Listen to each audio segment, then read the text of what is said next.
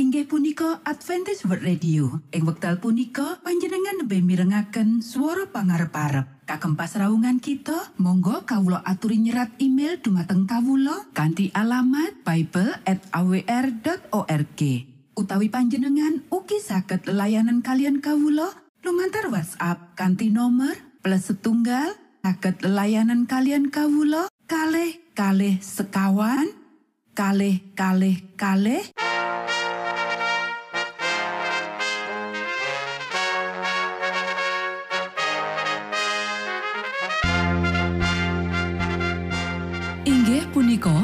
Adventist World Radio ingkang giaran kanthi basa Jawi.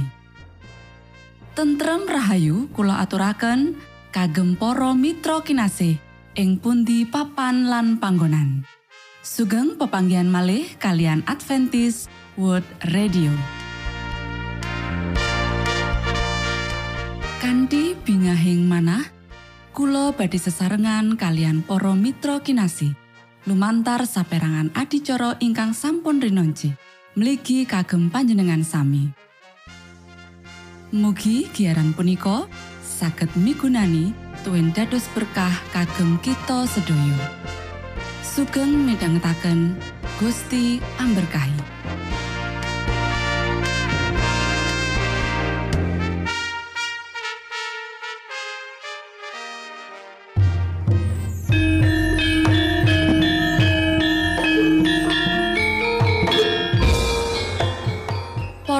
Pamirsa kinasih ing Gusti Yesus Kristus. Ing wekdal punika kita badhe sesarengan ing adicara ruang kesehatan. Ingkang saestu migunani kagem panjenengan saha kita sami. Tips utawi pitedah ingkang dipun aturaken ing program punika tetales dawuhipun Gusti ingkang dipunnyatakaken ing kitab suci. Semanten ugi sakehing seratan ingkang dipun wangsitaken dening Gusti Allah. Nanging saderengipun, monggo kita sami midhangetaken kidung pujian.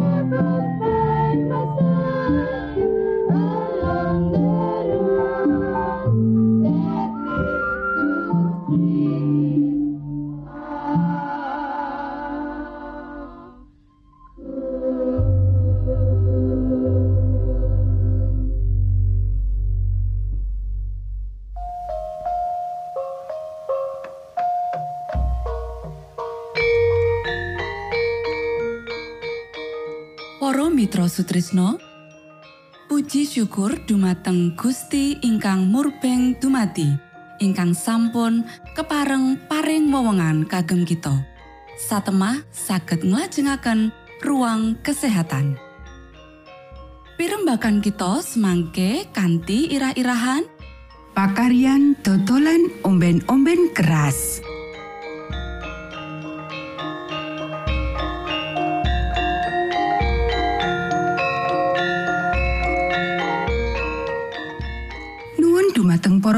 Para pamiarsa ingkang dahat kinurmatan sugeng pepanggian malih kalian kulo Isti Kurnaidi ing adicara ruang kesehatan ing dinten punika kanthi irah-irahan pakarian dodolan omben-omben keras para sederek ingkang kinasih saka negeri-negeri sing aku dheweke Kristen kutuk iku dikawa menyang wilayah-wilayah panyembah Braolo. Wong-wong sing keri, sing malang lan bodho iku diwulang kanggo nggunakake omben-omben keras. Malah ing kalangane wong kafir iku wae, kaum winasis mangerteni lan nentangake pinangka racun sing matekake. Nanging muspro wae dheweke mbudidaya ngayomi negrine saka kekacauane. Bako, omben-omben keras lan opium dipeksakake dening wong-wong beradab marang bangsa-bangsa kafir.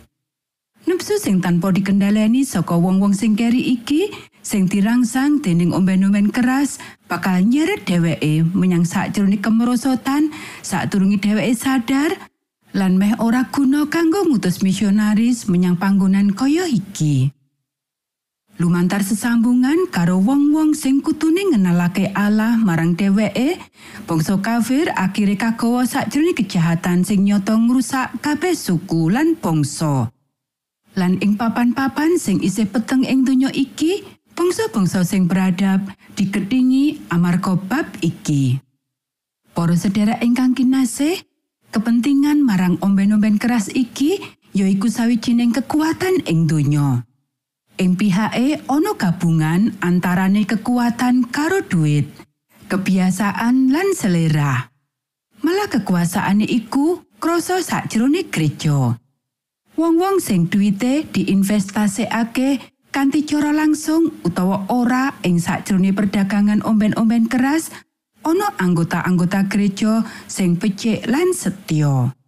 Akeh ing antarane dheweke sing kanthi limpah menehi bantuan-bantuan sing populer. Sumbangane nunjang kegiatan gereja lan nyokong para pendetani. Dheweke ngalihake kawigaten marang duit. Gereja sing nampa anggota kaya ngono iku sakbenere ndukung perdagangan omben-omben keras. Asring pendeta ora cukup wani kanggo mbela kabeneran. Dheweke ora nyatakake marang jemaate apa sing didhawuhake Gusti Allah ngenani pakaryan dodolan omben-omben keras. Ngomong teges bisa ateges nyinggung jemaate, ngurbanake popularitase lan kelangan gajine. Nanging sadurunge majelis gereja ana pengadilane Gusti Allah. Panjenengane sing wis nyatakake marang si tukang memateni sing kepisanan iku, gede adimu iku matur soro marang aku saka lemah. ora bakal nampa kanggo misbae pisungsung saka sing totolan omben-omben keras. Tukane kasok marang wong-wong sing budidaya ndelikake kesalahan sakjroning jubah kadermawanan. Duwite kaplentong dening getih. Wong kang diklandang arep dipateni iku luarono lan kang sempoyongan marani papan panyembelihan iku slametno. Menawa kue kondo, prakara iku ora ngerti temenan. Pangeran kang neter ati opo ora mirsa ing sanyatane? Apa panjenengane kang rumeksa nyawamu iku ora mirsa? Iku males marang manungsa miturut panggawene?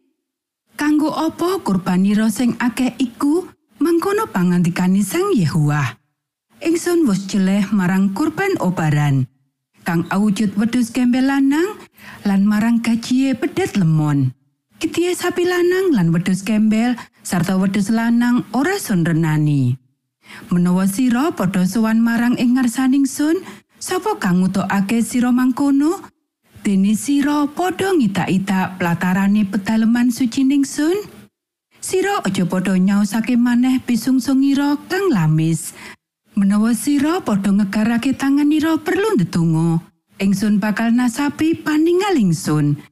Malah sanadyan sira ndedonga mawali-wali, Engsun ora bakal mitangetake awit tanganira kebak getih. Para sedherek ingkang kinasih, wong pemabuk bisa nindakake babab sing luwih apik. Dheweke wis dipercaya kanthi talenta-talenta kanggo mulyakake Gusti Allah lan dadi berkah marang donya iki. Nanging bepodo kancane, wis masang ciret kanggo jiwane lan bangun diri awake dhewe kanggo kamrosotane. Dheweke wis urip sakjroning kemewahan sawetara. Korban-korban melarat sing wis dirampok iku urip sakjroning kemelaratan lan kasekengan. Nanging Gusti bakal nuntut iki saka tangane wong sing nyurung pemabuk menyang sakjroning keajuran. Panjenengane sing perintah ing langit ora kelangan paningal marang penyebab sepisan lan akibat keri dhewe saka kemabukan. Panjenengane sing ngopeni manuk emprit lan dandani suket ing ora-ora iku ora bakal ngliwatake wong-wong sing wis dibentuk sakjroning citrane dhewe. Lan dituku kanggo rahe dhewe, tentu ngatekake tangisane. Gusti Allah nandani kabeh kejahatan sing nunjang kejahatan lan kemlaratan. Matur nuwun, Gusti amberkahi.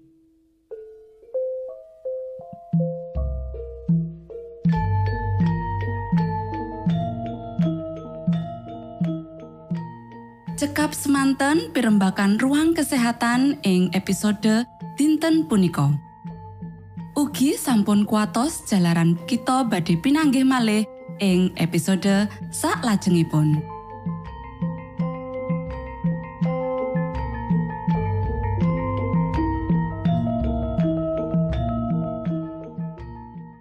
Inggih punika adicara ruang kesehatan.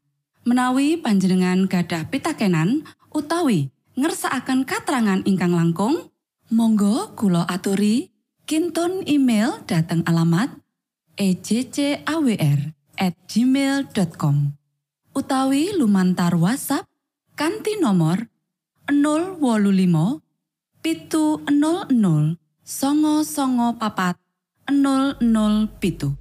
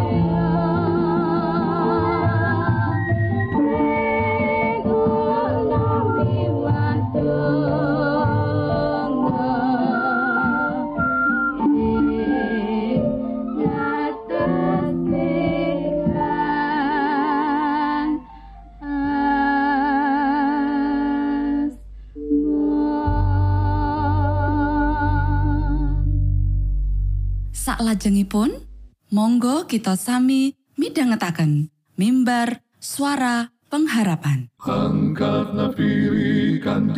pawarto Sang Kristus paderamu. Pro umat samyo puji asmanyo Sang Kristus paderamu. Inggih punika mimbar suara pengharapan ing episode punika kanthi irah-irahan Patimbalan Gusti Allah kanggo misi. sugeng minangka tondo Sang Kristus paderawo Ilmu kawero tambah tambah Sang Kristus paderawo Paderawo Paderawo Sang Kristus paderawo Shalom, para pamiarsa ingkang kinasih wonten ing Gusti. Sak menika kita badhe mitangetaken renungan Sabda pangandikanipun Gusti. Ing dinten punika kanthi irah-irahan patimbalan Gusti Allah kanggo misi. Para sedherek ingkang kinasih, dawuh pangandikane Gusti ing kitab lelakone para rasul pasal siji ayat wolu yaiku Nanging kowe bakal padha tampa kasekten. Samangsa Sang Roh Suci wis nedhaki marang kowe kabeh. Sarta kowe bakal padha dadi seksiku ana ing Yerusalem lan ing satanah Yudea kabeh. Sarta ing tanah Samaria tuwin tumeka ing pungkasaning bumi. Para sedherek ingkang kinasih, sadurunge Gusti Yesus sumengka marang ing swarga, Gusti paring ayahan dateng para murite lan paring ngendikan menawa para murite kuwi kudu dadi waline saka karsaning Gusti Yesus kang wis paring warisan bondo donya lan urip kang langgeng. Kowe dadi seksi lan panguripan lan pangurbananku. Mligine kanggo jagat iki, kowe ya weruh pakaryanku kanggo bangsa Israel lan senaosa umatku ora ana kang umarek supaya wong-wong iku padha urip. Senaosa para imam-imam lan pengulu-pengulu wis tumindak marang aku kaya dene wis karancang lan nolak aku. Wong-wong iku uga isin duweni wewengan liya kanggo nampa putraning Allah. Kowe wis ndeleng yen kabeh wong-wong iku kang nekani marang aku lan ngakoni sakabehing dosane, aku tampani kanthi ikhlas. Sapa wae kang ngungsani marang aku, pisan-pisan wae ora nolak. Marang kowe para muridku, aku masrahake pakabaran kamurahan iki. Babagan kuwi bakal kaparing marang wong-wong Yahudi lan wong-wong kang dudu Yahudi. Wiwitane ana ing Israel, banjur sumrambah ing maceme bangsa, basa lan kaum. Kabeh wong kang padha pracaya bakal dikumpulake ing sajroning tunggal sidang. Alfa Omega jilid pitu, kaca pat likur. Sedherek ingkang kinasih, amanat agung sejatine wis cetha. Mulane padha lunga, sakabehing bangsa padha dadekno siswaku. Matius pasal 28 ayat 19. Dadi, kuwi minangka bener-bener tunggal perintah kanggo budal ning papan panggonan liyane mligine bangsa liya. Perintah Injil minangka piagam misionaris kang gedhe saka kratone Sang Kristus. Para murid-murid kuwi kudu ngayahi kanthi tumemen kanggo jiwa-jiwa lan maringake marang sakabeh wong undangan kamirahane Gusti Yesus. Para murid kudune ora ngenteni umarke wong-wong kuwi. Murid kudu lunga lan paring pakabaran. Para sedherek ingkang kinasih, sejatine ing jagat iki akeh wong kang luwih cedhak marang kratone Gusti Allah tinimbang karo apa kang kita sangkani. Ing jagat pepeteng iki merga saka dosa, Gusti Allah kagungan akeh saloka marang sapa panjenengane bakal mimpin para utusanipun. Ing ngendi bakal ana wong-wong kang gelem ngadeg kanggo Sang Kristus. Akeh wong bakal ngajeni kawicaksanane Gusti Allah ngluwi samubarang kauntungane jagat lan bakal dadi panerangan kang setya. Yakin menawa Rasul Petrus minangka panggenapan kang langsung saka rancangane Gusti Allah. Yen prasangka lan sifat menenge wong iki ora timbang karo roh Injil, wong-wong iki mulyakake Gusti Allah lan padha mungel. Dadi marang para bangsa liyane, Gusti Allah uga paring sih palimirmaning pitobatan kang mimpin panguripan. Kanthi teges, tanpa panentangan, prasangka kang wis kaancurna, sifat ora peduli kang wis dadi pakulinan ka abad-abad wis ditinggal. Lan dalan kawenga kanggo Injil kang wis kamasyurake marang wong-wong kafir. Monggo kita sami ndedonga. Duh Rama kawula ingkang wonten ing swarga, asma patuko mugi kasucikaken. Kraton patuko mugi rawuh, karso patuko mugi kalampahan wonten ing bumi kados dene wonten ing swarga. Kawula mugi kaparingan rejeki kawula sak cekapipun ing dinten punika. Saha patuko mugi ngapunten kalepatan kawula kados dene kawula inggih ngapunteni tetiang ingkang kalepatan dhateng kawula. Punapa dene kawula mugi sampun ngantos katantukaken dhateng ing panggoda. Nanging mugi sami paduka uwalaken saking piawon. Awit dene paduka ingkang kagungan kraton saha wisesa tuen kamulyan salami laminipun. Amin.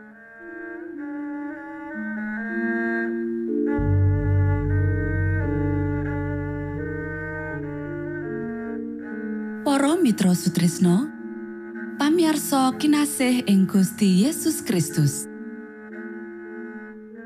Sampun paripurno pasamuan kita ing dinten punika.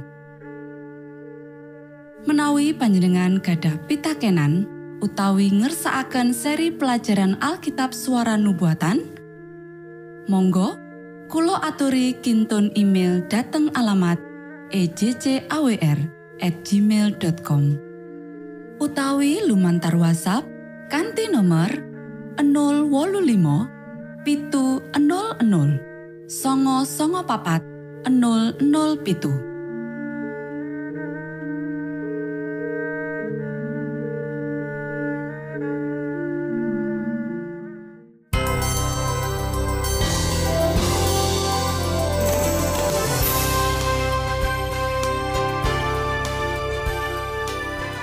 Matur nuwun kagem wektalipun kita badhe pinanggih malih ing gelombang ugi wekdal ingkang sami.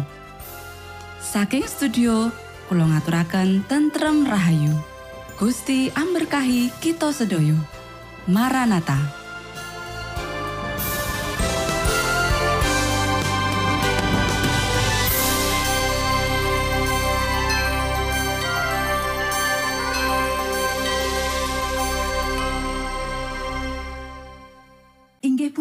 Adventist World Radio. Ing wekdal punika panjenengan lebih mirengaken swara pangarep-arep. Kagem pasraungan kita, monggo kawula aturi nyerat email dumateng kawula kanthi alamat bible@awr.org.